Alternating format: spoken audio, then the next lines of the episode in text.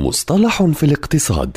في كل حلقة يطرح المدون وصانع المحتوى الاقتصادي مجدي النوري مصطلحا اقتصاديا محددا بلغة سهلة وبسيطة.